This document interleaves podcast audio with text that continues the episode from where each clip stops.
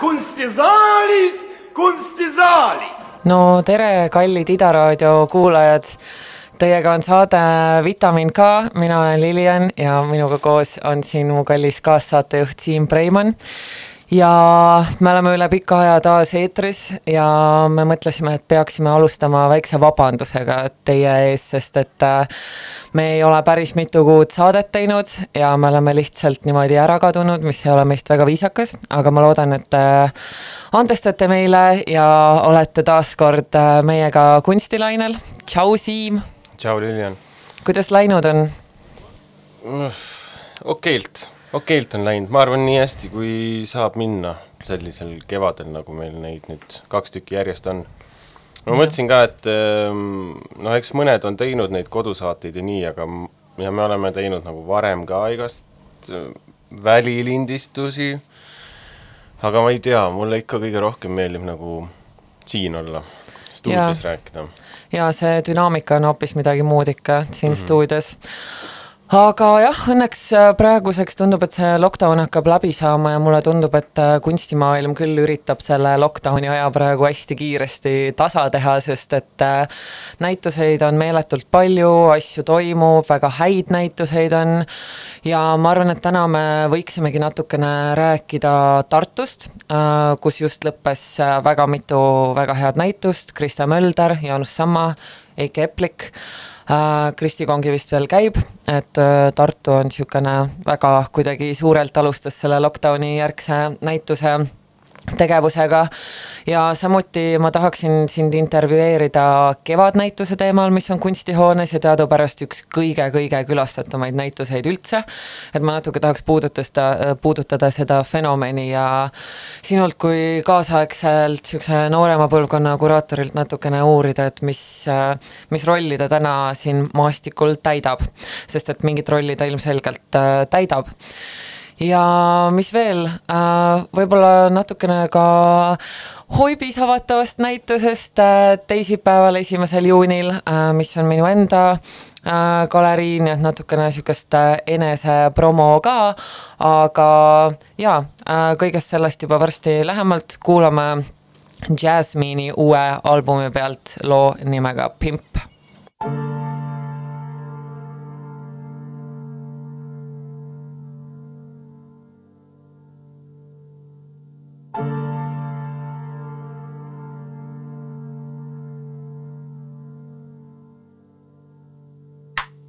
As I sit by the fire, sipping on this fine wine, reminisce about the time that I saw a pimp standing on the corner of a street. Pretty sure it was the 34th Street. You know, where the jazz club at. yeah, that's the one. Anyways, I went up to him, asking about his limpy leg and his crooked cane. Then he started talking about all this cocaine.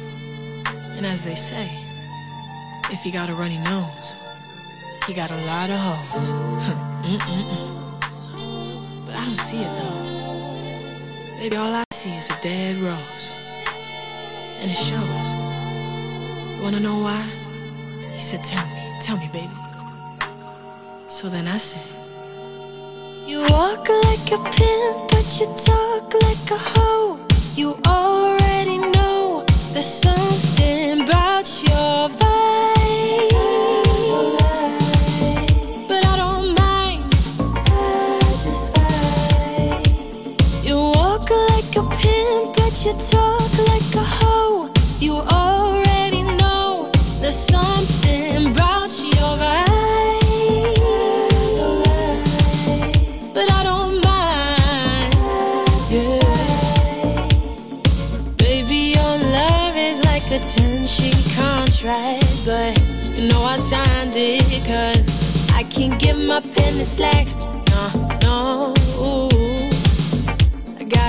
something about that, yeah. Uh, then he said, You can call me thirsty. That's cause, baby, I've been grinding. Uh, day and night, I pay that price. I own the streets, can't tell me twice.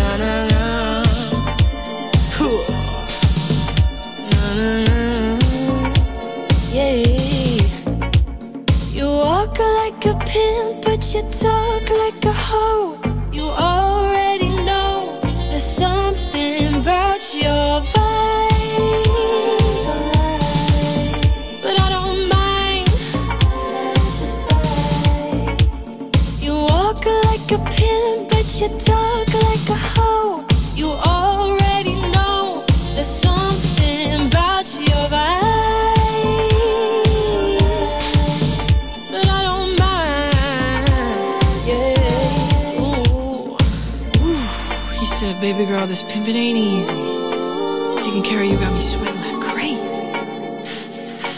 You gotta cut me some slack, girl. I ain't got no more tricks up in my sleeve. I said, what you mean, what? You a goddamn PIMP.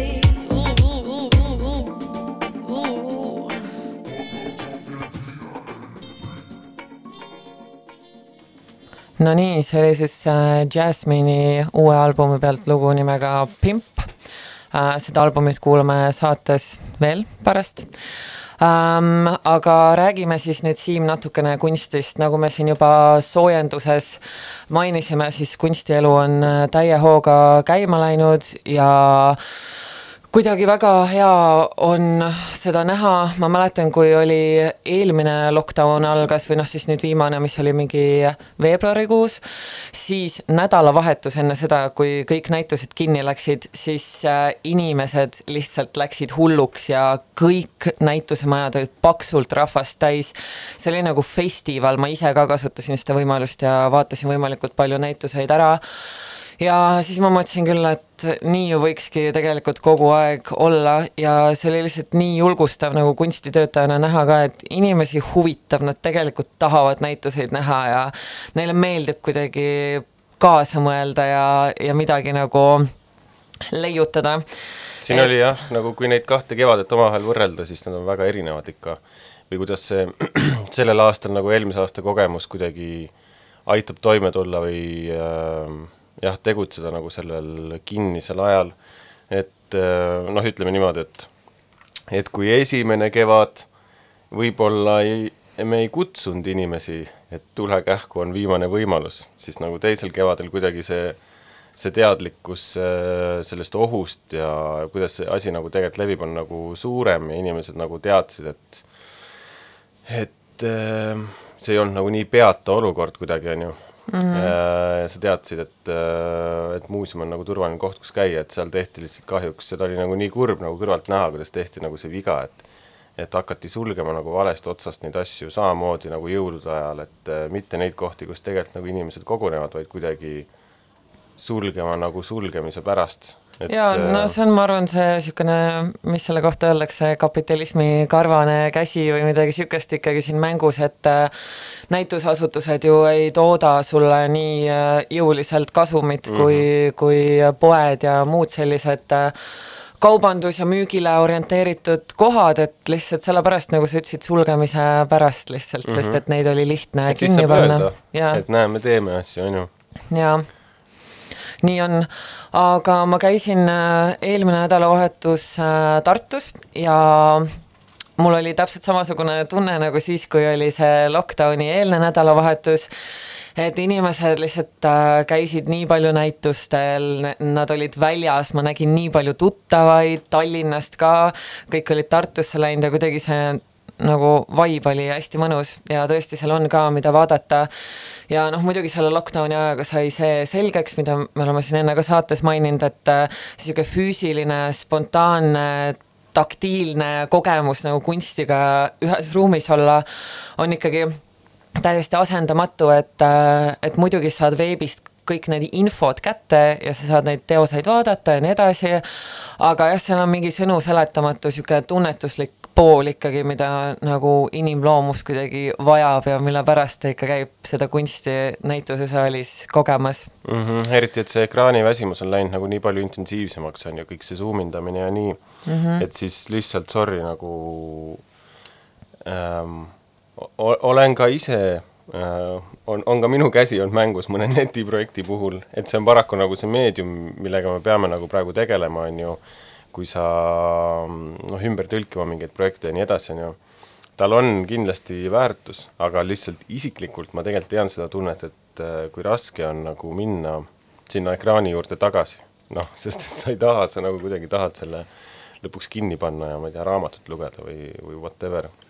Jaa, õnneks äh, Tartu pakkus võimalust nendest ekraanidest kuidagi eemalduda ja ja kogeda seda, mille pärast me siin väljal töötame mm -hmm. või nagu ekraanivabad näitused olid ka vist või? jaa mm, -hmm. olid jaa. aga jah, selle tunnetusega kuidagi edasi minna või selle sõnaga mulle tundub, et hästi haakub äh, Krista Mölderi isikunäitus Tartu kunstimajas, äh, Sinilind teisele minale oli selle nimi, äh, nüüd sai läbi see näitus paraku aga tõesti, et Krista minu meelest, Krista Mölder on päris fenomenaalne looja, et ta kuidagi oskab nagu äh, ma ei tea, estetiseerida igavust ja kuidagi nagu leida mingisuguseid väga tabavaid momente, millest nagu sa ei saa tegelikult neist kinni võtta või nagu Krista ise ütles, et ta, ta tahab, et ta loomingule ei saaks otseselt nagu küüsi taha panna, et sa nagu ei saa aru tegelikult miks sa seda vaatad, miks sa nii võlutud oled sellest, sest et need momendid, mida ta jäädvustab, on ju tegelikult hästi argised ja tihti nagu sellised momendid, millest on lihtne üle vaadata.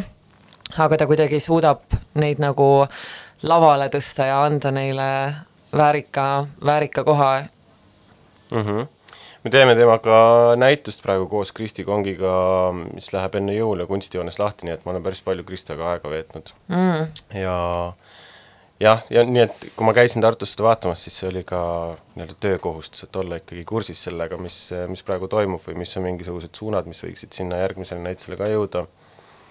et see on, mul on tema puhul alati hästi huvitav nagu jälgida seda, et missuguses suhtes on omavahel see foto ja siis see installatiivne pool, et ja kuidagi minu jaoks on see mm, installatiivne pool või nii-öelda uut, uut meediat kasutav pool on nagu äh, kuidagi ootamatu või kuidagi mänglev või hüplev või ta ei ole, katsetab nagu erinevaid asju, et noh, et kui sul on näiteks EKKM-i sellel kööleril oli tal see vilksav koer on ju seal nende seinte vahel ähm,, ma sain nüüd teada, et see, et need seinad seal üldse ruumi keskel olid sellepärast, et Äh, kaitsta fotosid, sest EKKM kevadel on, seinad on nii niisked, et kui see oleks otse vastu nagu majaseina pandud, siis see oleks foto lokkima mm. hakanud ja siis oli vaja see kuidagi nagu seinast eemale saada mm. ja siis lõigi nagu selle puidust äh, konstruktsiooni sinna keskele, mis lihtsalt ikkagi on nagu niiske ruum, aga see ei, sealt ei tule seda rõskust nagu niimoodi peale ja siis oli ühesõnaga lihtsalt huvitav fun fact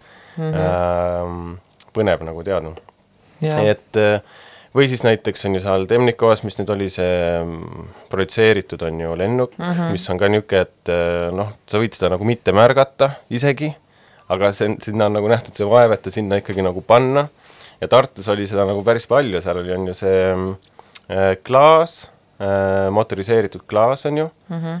mis on jälle mm, tema puhul ma olen nagu palju rääkinud ka sellest, et tal on viimased projektid, vaata, tegelevad nagu lendamisega ta räägib kergusest, ta räägib nagu soovist õhku tõusta.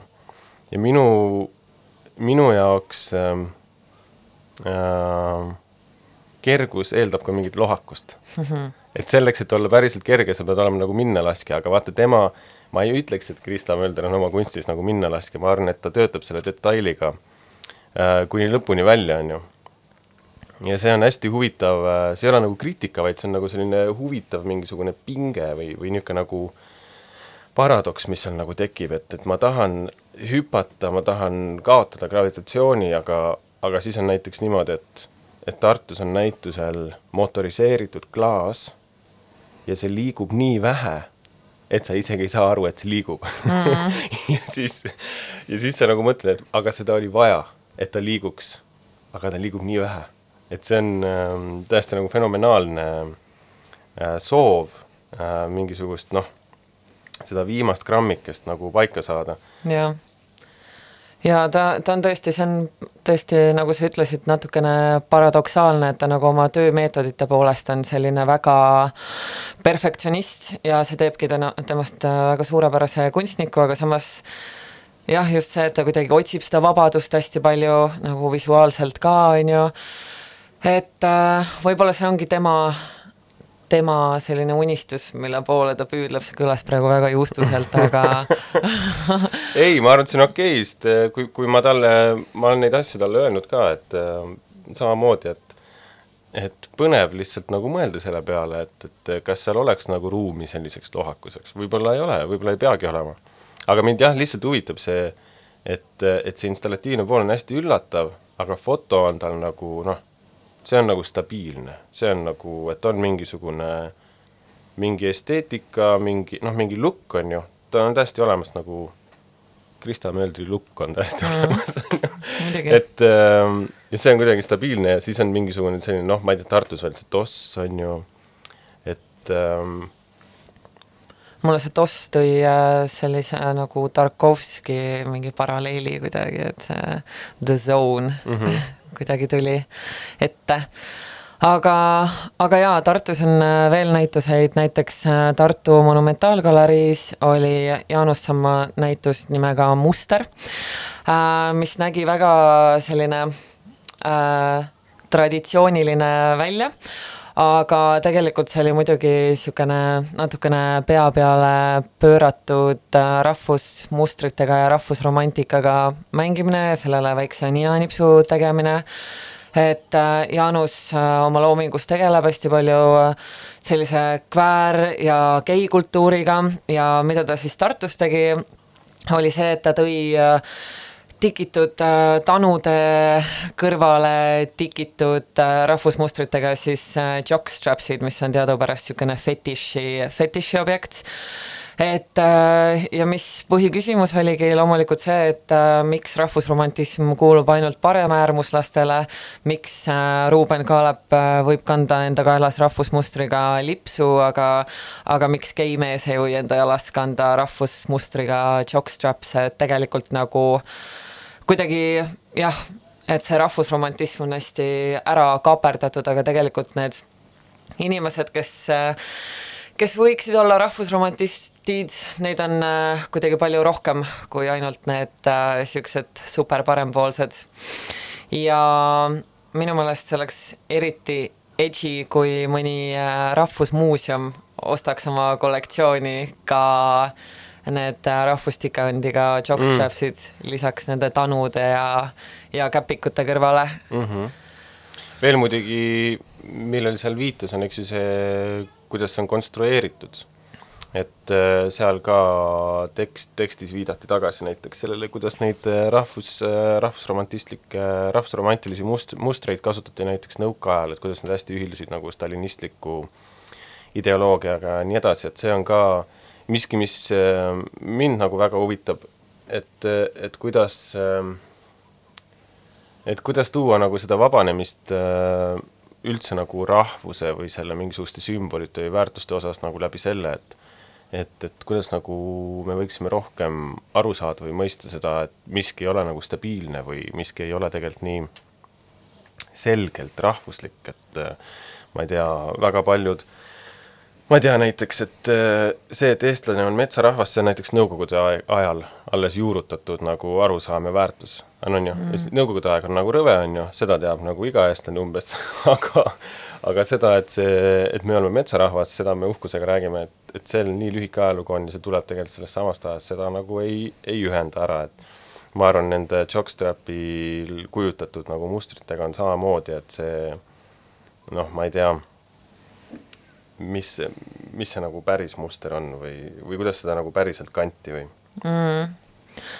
jaa äh,, minu meelest see näitus toob nagu päris selgelt äh, silme ette ja tegelikult Jaanuse mõned eelnevad projektid ka, kuidas seda kaanonit ikkagi väga nagu konstrueeritakse ja see ei ole mitte kunagi niisugune objektiivne ja orgaaniline, vaid see on ikkagi väga nagu strictilt kellegi poolt äh, konstrueeritud ja, ja rahva poolt kuidagi omaks võetud.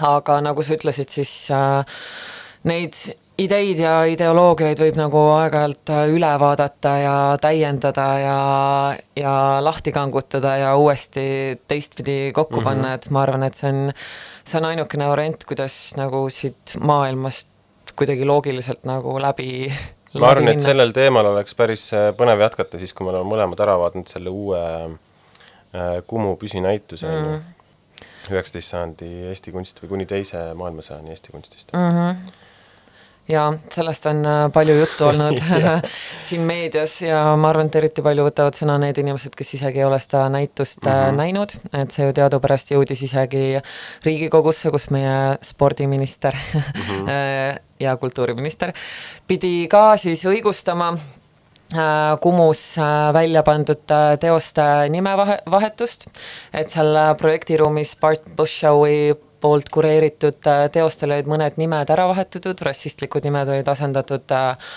äh, neutraalsematega.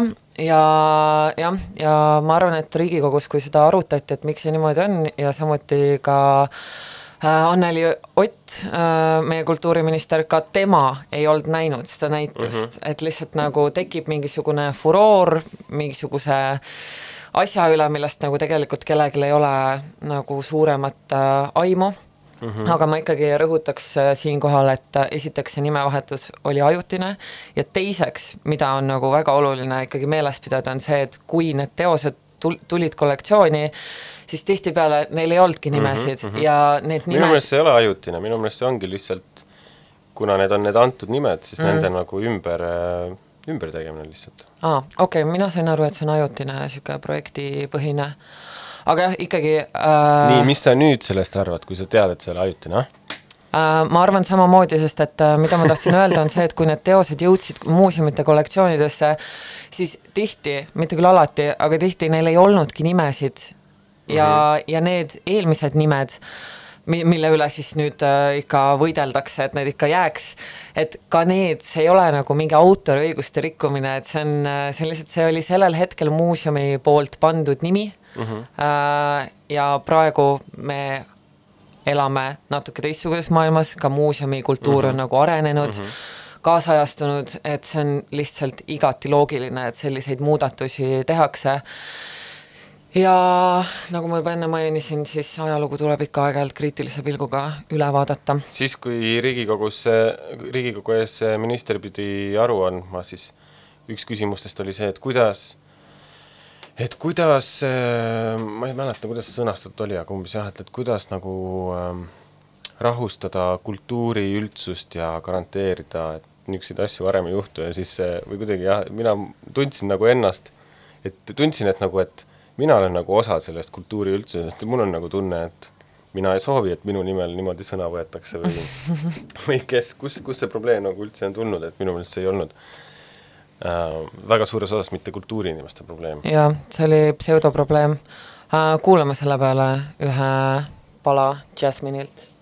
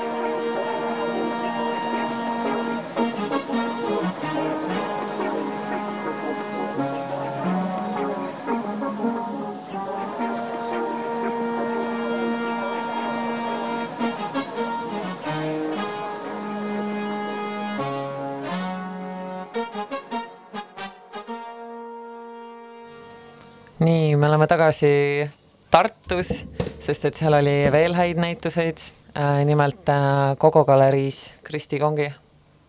täpselt Siim. nii. jah, Kristi puhul mulle hästi nagu meeldib see mm,, kui, kui erinevad need asjad võivad olla, mis ta teeb. Ma arvan, et see on nagu nende kaasaegsete maalikunstnike hulgas, kelle hulka Kristi kindlasti kuulub, kõige lahedam asi, mida nagu jälgida, et sul kujuneb välja mingisugune koloriit ja mingisugune meetod, aga siis see, kuidas seda nagu rakendada, see võib olla nii erinev, et äh, sellel korral noh, ma mõtlen, et äh, banaalselt võiks nagu öelda ka, et keegi, kes on nagu väga pinnapealne või tahab olla pahatahtlik, siis võiks nagu need kõik asjad nagu ühte patta panna või öelda, et ah, jälle teeb mingit roosat.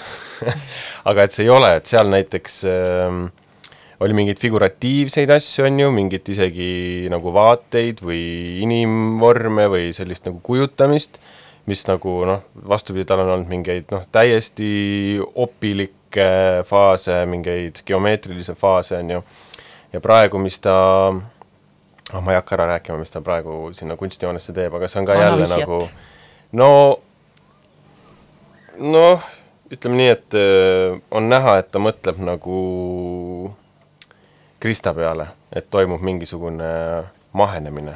ja äh, see on, ma korraks unustasin, et äh, Krista Mölderil ja Kristi Kongil tuleb koos näitus, aga kui sa praegu rääkisid äh, Kristi näitusest, siis äh, ma kuidagi oma peas ka seostasin, et äh, Kristaga just sellepärast, et nad tegelevad natukene sellise metafüüsilisema maailmaga ja kuidagi ei ole niisugust mingit sotsiaalkriitilist peegeldust, vaid pigem nagu tegeletaksegi millegi kaugemaga ja samas kuidagi see on nii inimlik mm. -hmm, mm -hmm. jah, ma arvan, see pa-, Paariku puhul mind huvitabki kuidagi see mingid alusväärtused, mis on sarnased, kuigi see tulemus on tegelikult niisugune, et see on mm. super raske ühildamine. sest mm. noh, nii erinevad äh, ruumi vallutamise viisid ja nii erinevad nagu koloriidid, aga tegelikult see jah, selline mõle-, mõlemad on nagu lõpuks ikkagi impressionistid no on, see on mingisugused reisid ja kogemused ja värelused ja niisugused asjad, mida püütakse kinni, et Kristi puhul näiteks tal on ähm, äh, suht detailsed nagu päevikud, mis ta tegelikult peab, kus mm -hmm. ta mhm. nagu kirjutab üles nagu lõike või noh, tekste selle kohta, et äh, asukohtade ja kellaaegadega, mida ta kuskil nagu nägi ja siis ta hakkab nagu ma ei tea, kas ta kohe joonistab sinna, aga selle põhjal ta hakkab nagu hiljem üles ehitama mingisugust nii-öelda vaadet, mingit nagu maali, mis, mis siis nagu taaslooks äh, seda hetke mm. -hmm. Ähm, jah. ja äh, ootan põnevusega kunstihoone näitust, sest nad tõesti tunduvad, nad on mõlemad sellised jõulised loojad, aga samas, nagu sa ütlesid, nende visuaalne keel on ikkagi väga erinev, et ma arvan, et see ühildumine saab igal juhul olema äh, väga impressive või siis impressionistlik yeah,. Yeah. aga Tartu kunstimajas äh, on või oli Eike Epliku. kunstimuuseumis. kunstimuuseumis, vabandust ja. Ja äh, väga sellised eikelikud äh, teemad, millega ta juba mõnda aega on tegelenud ja mis ka mind äh, kuidagi puudutavad päris otseselt, et ma ise kuraatorina, kuna ma kirjutan oma magistritööd ka sellel teemal, siis äh, selline antropotseeni äh, kriitika ja, ja selline inimkesksusest kuidagi nagu ülevaatamine on päris esil ja noh, see ongi väga niisugune trending topic, et äh, samuti Narva residentuuris on ju praegu ka selleteemaline näitus, et äh, inimesed mõtlevad nagu hästi palju enda rolli peale mm -hmm. siin, siin planeedil ja ka selle peale, kui, kui vähevajalikud ja kui, kui predaatorlikud ja kui hävitavad me oleme, et Ike Eike kuidagi ka oma näitusel viitas nendele teemadele ja just tõi ka esile selliseid ülevaadatud äh, aspekte meie igapäevaelust ja kogemusest äh,, et äh, näiteks need äh, Umbrohu seeria, mis tal oli, et see oli kuidagi hästi, hästi tundlik ja hästi südamlik ja, ja tõesti kuidagi mulle tundub, et Eike tõesti vaatabki igat äh, nagu loodus äh,, looduselukat, olgu see siis äh, putukas või, või rohulible, aga ta kuidagi on nendega hästi nagu ühenduses, ta on minu meelest ise ka nagu mingi väike õrn, niisugune loomakene. Eks see aeg näitab, ähm, et kas see, see teema üleval on, noh, see on igal pool üleval, eks ju, kõikides eluvaldkondades, et see nii-öelda sustainability või jätkusuutlikkus sõnana, hiljuti just äh, keegi rääkis mulle, et, et luges uuringut, mille põhjal, sest sõna sustainability kasutus on niimoodi tõusnud, et äh, et ma ei mäleta, väga lühikese aja jooksul, paari aasta pärast äh, iga lause on sustainability, sustainability, sustainability, et kui see niimoodi nagu jätkuks, on ju, aga kui see ka mentaliteedis niimoodi jätkuks mitte ainult nagu sõnades ja mingites ja, manifestides ja, ja turunduslikes äh, lausetes.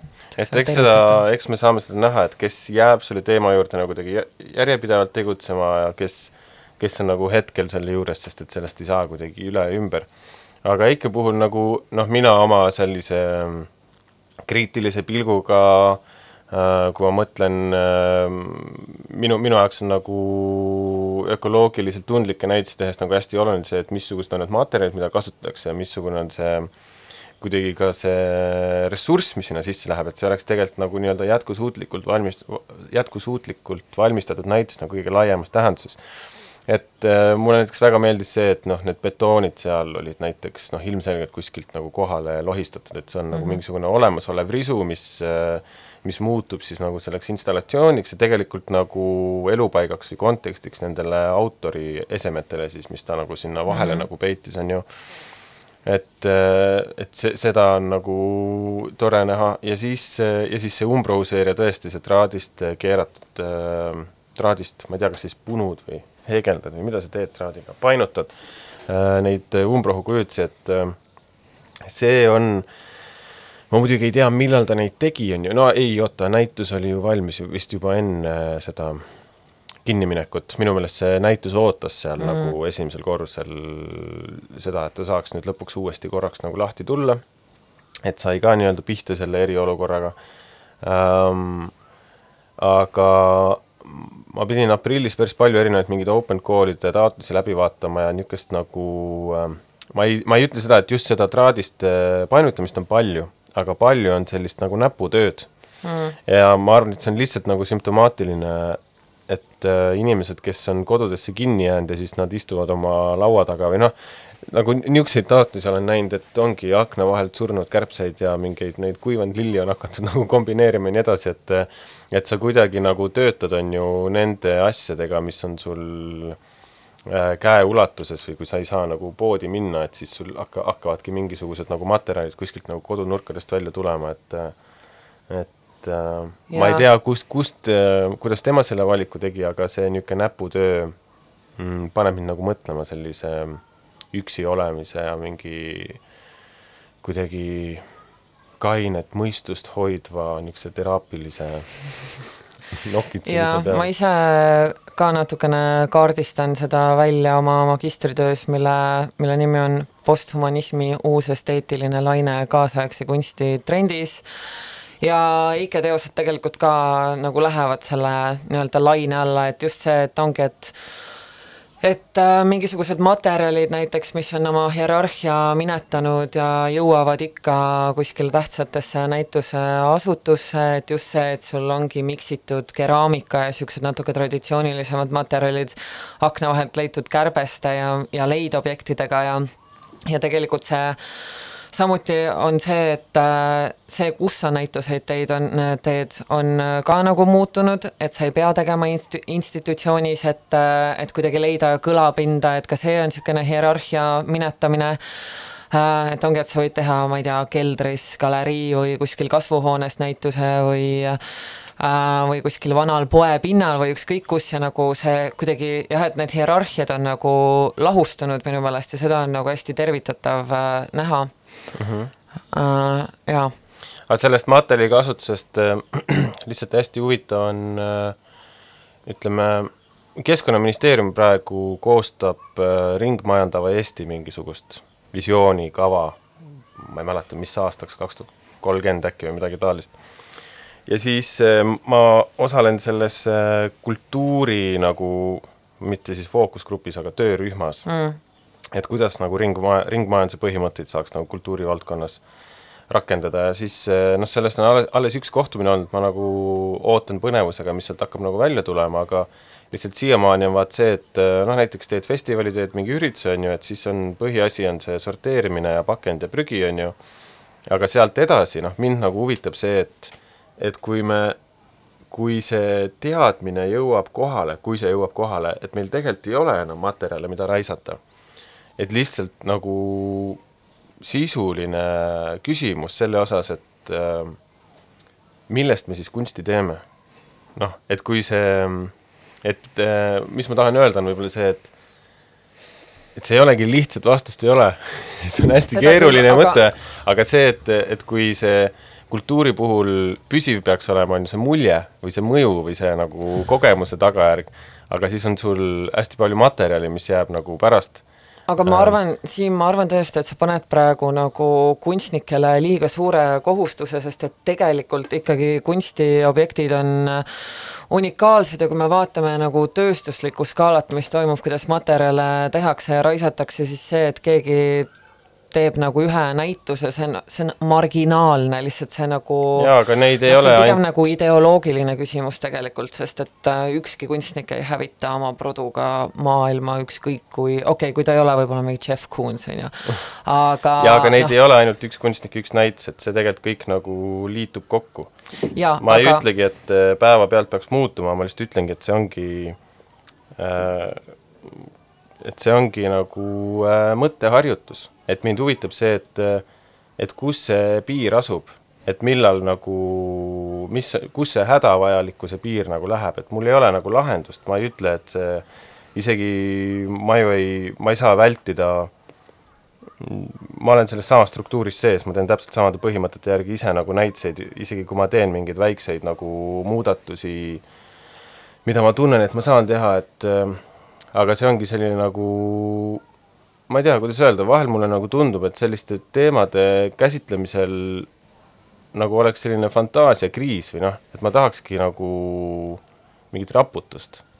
et mm., ähm, et kuidas see lahendada, kui see oleks nii, see ei ole nii, see väga kiiresti ei saa veel, ei, ei saabu, on ju, aga lihtsalt nagu hüpoteetiliselt, millest see siis üldse saaks koosneda, mis oleks see, ma ei tea, ökofašistlik mingi ut-, utoopiline loomise režiim, ma ei kujuta ette. tule hoib äh, galeriisse näitusele, selle peal, pealkiri on äh, Kaardistamata väli, seal osalevad kunstnikud Pire Sova, Ando Nauilainen, Marek Delong ja Anna Slama ja me niisugune põhi niisugune lain, mis sellest näitusest nagu läbi käib, ongi äh, tuleviku kujutamine või niisugune antropotseeni järgne ajastu, aga mitte siis nagu läbi selle kliimakriisi ja niisuguse düstoopia, vaid just, et nagu selline fantaasiapotentsiaali rakendamine ja kuidas nagu mingeid materjale kasutada, kuidas siis nagu eksisteerida koos, et äh, tule, need teemad on seal esil, mõtleme koos. Aga üks asi veel, mida ma tahaksin saates arutada, on kunstihoone kevadnäitus ja teadupärast see on väga publikurohke näitus ja samas nagu kunstiväljale see näitus otseselt nagu ta ei ole liiga intrigeeriv võib-olla, et ta on nagu, ta on vajalik äh, et mingid kunstnikud saaksid oma teoseid eksponeerida ja kuidagi see tundub nagu hästi ka niisugune demokraatlik äh, seda näitust äh, teha ja ma arvan, et see on vajalik. äh,, sest kunstimaailm teadupärast on nagu kuidagi hästi hierarhiline ja kauge ja elitaarne tihtipeale.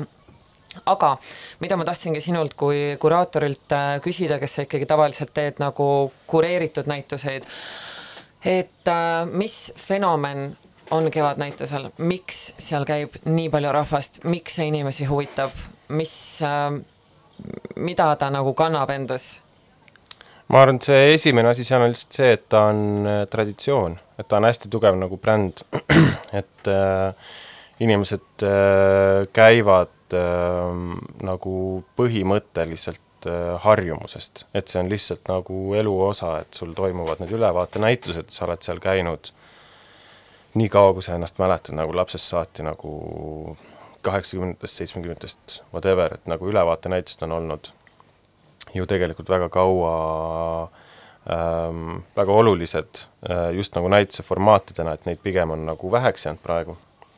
tõsi, aga äh, see ülevaade on nagu natukene niisugune triki teema siin just sellepärast, et äh, ühest küljest jah, sa saad ülevaate, on ju, vähemalt sa võib-olla, kui sa oledki näiteks see grupp äh, inimesi, kes käibki noh, muidu igapäevaselt ei käi näitustel, aga käib kevadnäitustel, on ju, ja siis sa justkui arvadki, et sa saad sellest äh, väljast äh, mingi adekvaatse ülevaate, mis toimub täna. Äh, aga tegelikult on ju ikkagi see, et väga paljud niisugused äh, nimekad kunstnikud üldse ei osale seal, et see toimub konkursi alusel, kunstnikud ise peavad sinna oma avalduse saatma, et seal osaleda ja noh, ikkagi noh, sa ei näe seal Krista Möldrit, Kristi Kongit, Jaanus Sammat, Kris Mhm. Lemsalu, Merikest, et mitte kedagi, kes on nagu niisugune rahvusvaheliselt äh, tunnustatud Eesti kunstnik et just see ülevaate küsimus nagu ongi, et, et mis ülevaate siis sealt tegelikult nagu saab Kristi Kongi on osalenud küll, ta see aasta ei kandideerinud.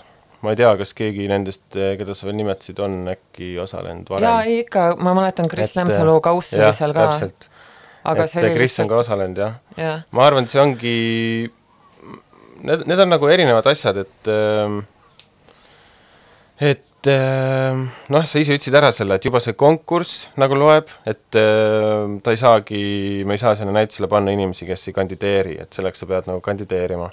seal on nagu erinevaid põhjuseid, miks äh, noh, ütleme niimoodi, et kuidas sa ütlesid praegu alguses, et ta ei ole et tegelikult ma arvan, et ta on ka kunstnike ja kunstivälja jaoks nagu väga oluline näitus et seal on nagu, on ka nooremaid kaasaegseid kunstnikke, kes äh, võivad äh, väga kirglikult kaitsta seda formaati nagu lõpuni välja, et äh, Mihkel Ilus näiteks on üks nendest, kes nagu, talle lihtsalt nii meeldib, et ongi mingisugune selline kakofooniline mokalaat ja sul on nagu üks töö, üks võimalus ja nagu äh, tegele sellega, et, et see ei olegi äh, et sa tead, et see ei ole isikunäitus, see ei ole kureeritud grupinäitus, sul ei ole seal mingeid optimaalseid tingimusi, et see ongi nagu selline natukene crazy, aga ma arvan, et noh, näiteks ma olen palju mõelnud selle peale, et nüüd, kus Köhler Prize'i enam ei toimu ja mm, seal kevadnäitusel on, eks ju, publikupreemia, et ta kuidagi täidab natukene nagu seda tühimikku ka, et sul on mingisugune selline natukene nagu sportliku loomuga üritus nagu kunstiväljal, et et paljude jaoks ongi see põnev vaadata, et kes siis nagu pääses. et see on iga aasta natuke nagu erinev, kes sinna näitusele pääseb. ja ma arvan, iga aasta ongi äh, näitus on nende nägu, kes sinna kandideerivad, aga näiteks ka žürii nägu, et äh, sel aastal olimegi mina ja Corina ehk siis kunstihoone kuraatoritena žüriis ja ma kutsusin Anna-Liis Kondi Tartust, et äh, ja siis kukkus välja selline näitus, et äh, me üritasime žürii töös ka tähelepanu juhtida sellele, et oleks äh, erinevaid meediumeid ja erinevaid mm -hmm. põlvkondasid, et nüüd see Martin, äh, Martin Esko kirjutas Postimehes äh, suurepärased viis tuhat tähemärki artiklit, äh, mis on niisugune Martin Eskolik kunstikantseliidi mull, mitte ühtegi nime ta ei maininud mitte midagi ta sisuliselt näitusest ei rääkinud, aga ta tegi statistikat mm.. ja selle statistika tulemus oli see, et keskmine kevadnäituse kunstnik on nelikümmend kaheksa, suur, suurema tõenäosusega naine kui mees. minu meelest see on nagu väga okei okay keskmine ma arvan, et see kirjeldab ka, ma arvan, et see kirjeldab ka üldiselt nagu kultuurivälja nagu selgroogu. Ähm, kes on see keskmine kultuuritöötaja, kellel ajal kogu see väli üleval seisab. aga noh, et mm., et selles mõttes sul ongi, ühes otsas on sul peaaegu sajaaastane Loola Liivat ja teises otsas on sul kahekümneaastased äh, bakaõpilased, on ju, et see mm. läbilõige on seal päris lai jaa, see assortii on seal äh, päris äh, mitmekesine, sellega ma olen äh, nõus. ja tore, et ikkagi see noortele kunstnikele ka kuidagi huvi pakub, see formaat, et kuigi ühest küljest, nagu sa ütlesid, see on hästi niisugune pika, pikaajaline traditsioon, mis justkui eeldaks, et see nagu võib-olla vanema generatsiooni huviorbiit, siis tegelikult jaa, et seal oli päris, päris mitu noort mm -hmm. kunstnikku mm -hmm. ja, ja täitsa, täitsa ägedaid töid oli, aga ma just mõtlesin, et nagu kuraatorina see on ilmselt päris päris suur väljakutse sellist, sellist asja just nagu kontseptuaalselt nagu, tervikuks äh, ühendada. see on nagu tagurpidi näituse tegemine et sul ei ole, sul on nagu kunstnikud enne, kui sul on teema, noh et me, me, meil ei olegi seal teemat.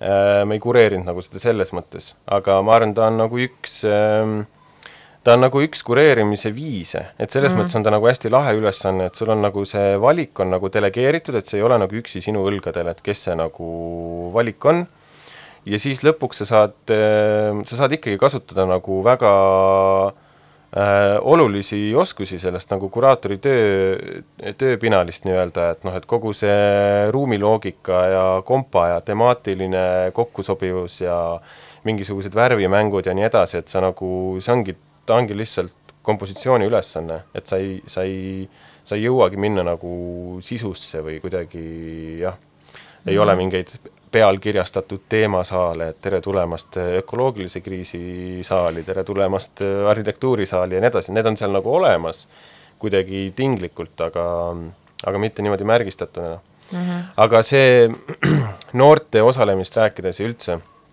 mm, huvitav on see, et ähm, see on minu esimene kord Kevadteist kureerida ma kartsin nagu seda, et et on mingisugune väga fikseeritud ootus, et kui ma muudan ähm,, ma ei, radikaalselt me ei muutnud väga midagi, me lihtsalt ähm, ähm, panime nagu piiri ette sellele, et kui palju kunstnikke üldse mahub, sest äh, ma ei tahtnud väga äh, seinu ehitada, ma ei tahtnud nagu teha seda ruumi nagu laburindiks ja kuidagi nagu kitsaks ja siis ja siis Neeme Külm, kes kujundas näitust, siis me nagu põhimõtteliselt vaatasime, et kui palju meil mahuks, kui me ei ehitaks üldse seina. vaatasime, okei okay,, see on natuke vähe, et kui me teeksime natukene seina juurde, kas me saaksime juurde. aga äh, põnev on see, et ta on ikkagi nagu, ta ongi hästi äh, kunstnike liit räägib sellest kui sotsiaalprojektist, selles mõttes, et see on niisugune kunstnike tugiprojekt, et ikka kunstnik saaks esineda ja müüa.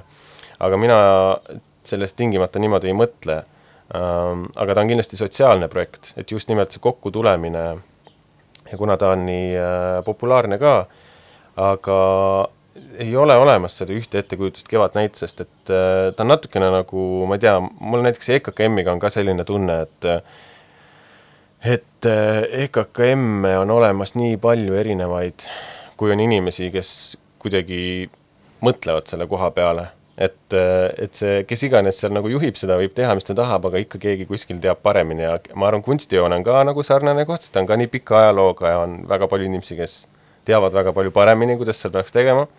ja Kevadnäitusega juhtub samamoodi, et, et on äh, näiteks seal intervjuu videotes, mis me teeme kunstnikega näituste jaoks ähm,,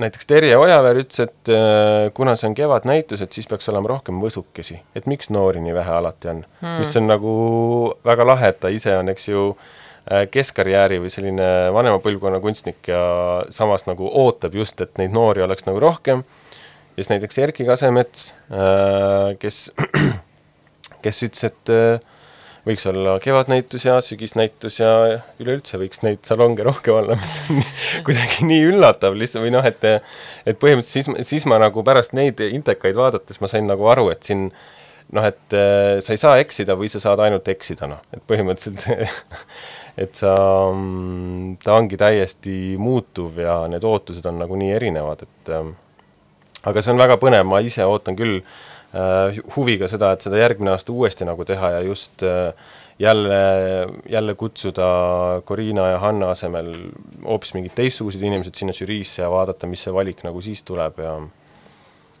ja see on tõesti huvitav, et see näitus ilmselt ongi kõige rohkem äh, žürii nägu, kes sinna teoseid valib. nii et äh, ootan huviga järgmist. aga kujuta ette, kolmsada viiskümmend taotlust, need läbi käia see on päris, äh, päris hull jah, ma ise pidin tegema midagi sarnast küll väiksemas formaadis, aga mind kutsuti kureerima EKA maaliosakonna ja Viini äh, Daniel Richteri tudengite maalinäitust koos ühe Viini kuraatoriga.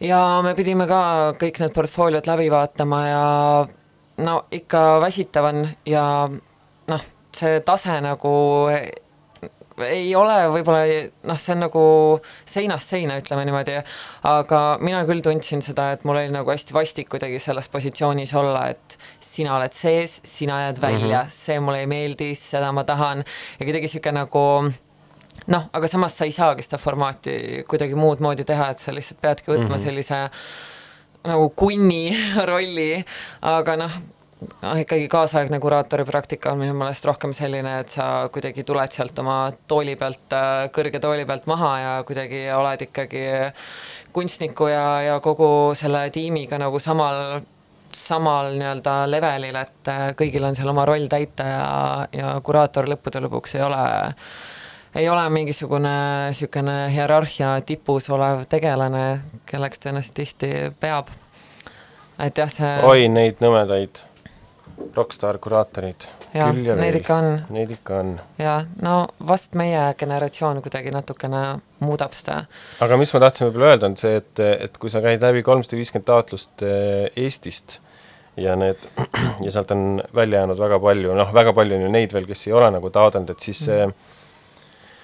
selles mõttes nagu ta on väga hariv sealt äh, alati nagu open call'is osalemine on selles mõttes lahe, et sulle jääb nagu silma või kõrva äh, mingeid praktikaid, millest sa võib-olla midagi ei ole kuulnud, aga teistpidi saad ka nagu ma ei tea, nagu kurikaga lagi pähe, et kui palju tegelikult on äh, kui palju tegelikult on kunstnikke, kui palju on inimesi, kellel on, ma ei tea, kõrgharidus ja kes nagu praktiseerivad nii paljudes eri kohtades Eestis, kui palju on neid inimesi, kellel on noh, täiesti õigustatult äh,, neil on õigus nimetada ennast kunstnikuks ja kui vähe on tegelikult neid võimalusi mm. nagu praktiseerida või mm. realiseerida seda kunstnikuks olemist, et see on päris hull. hea point, kuulame siia lõppu veel ühe Jasmine'i loo nimega Honorable Mention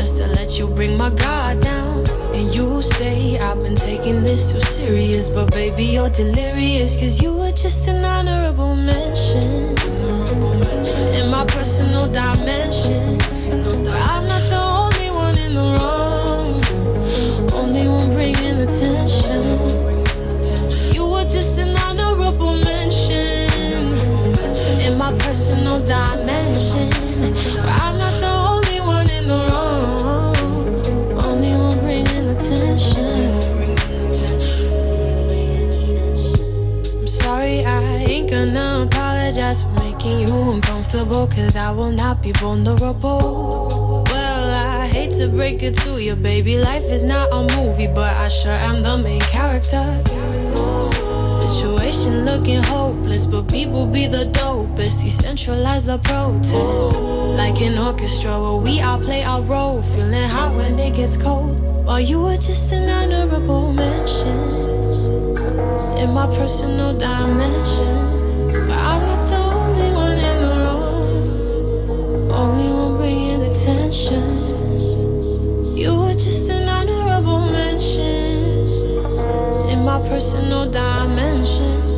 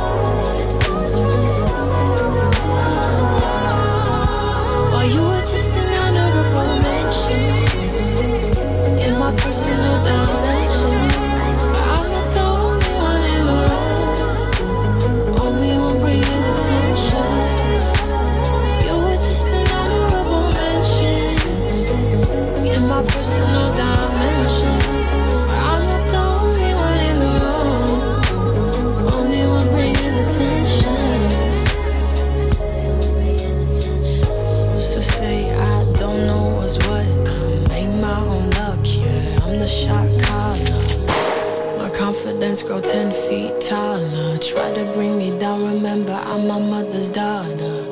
Please excuse if I come across rude, but I've been working too hard just to let you bring me down. No nii, ongi kõik. ongi kõik.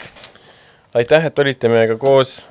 Need ettevalmistamata viiskümmend kaheksa minutit või midagi taolist, ma arvan, meil läks päris hästi. Mina tegelikult käisin ka Kumus näitustel ähm,, aga ma arvan, ma lähen uuesti, sest et ikkagi päris äh,, päris palju uut stuff'i tuli korraga seal välja. et ma, loodan, et võib-olla me saame sellest ka järgmises saates näiteks rääkida. ja võiks küll ja minu unistus on rääkida ka ikkagi NFT äh, kunstist Oo, ehk siis krüptokunst. aga ma ei ole leidnud veel nagu eksperti, keda intervjueerida sellel teemal, nii et palun, kui keegi kuulab, kes on NFT guru, siis äh, võtke minuga ühendust, ma tahan teid intervjueerida. Jaan Sarapuu ütles mulle ära kahjuks. ma tean, et tema on niisugune NFC gängster. See on jah selline teema, et äh, kuna ma olen isegi Instagramis ei käi, kui see üldse mingi näitaja on, et siis see NFT teemaga ma ei tea, kas kas ma olen nagu lootusetult maha jäänud või see on lihtsalt mingisugune ähm, fad, mis läheb Ähm, nagu ma arvan, et sa olid lootusetult maha jäänud, aga ära muretse, sest see trendilaine on juba nagu juba maas. Okei, okei, et see käis hästi kiiresti, aga noh äh,, ma ei tea, minu nagu okei okay,, jäägu see Järgmine kord. ja aitäh teile, kallid Ida raadio kuulajad, et äh, te meid jälle kuulasite ja annate meile andeks meie mitmekuise puudumise. jess, olete kallid meile, tšau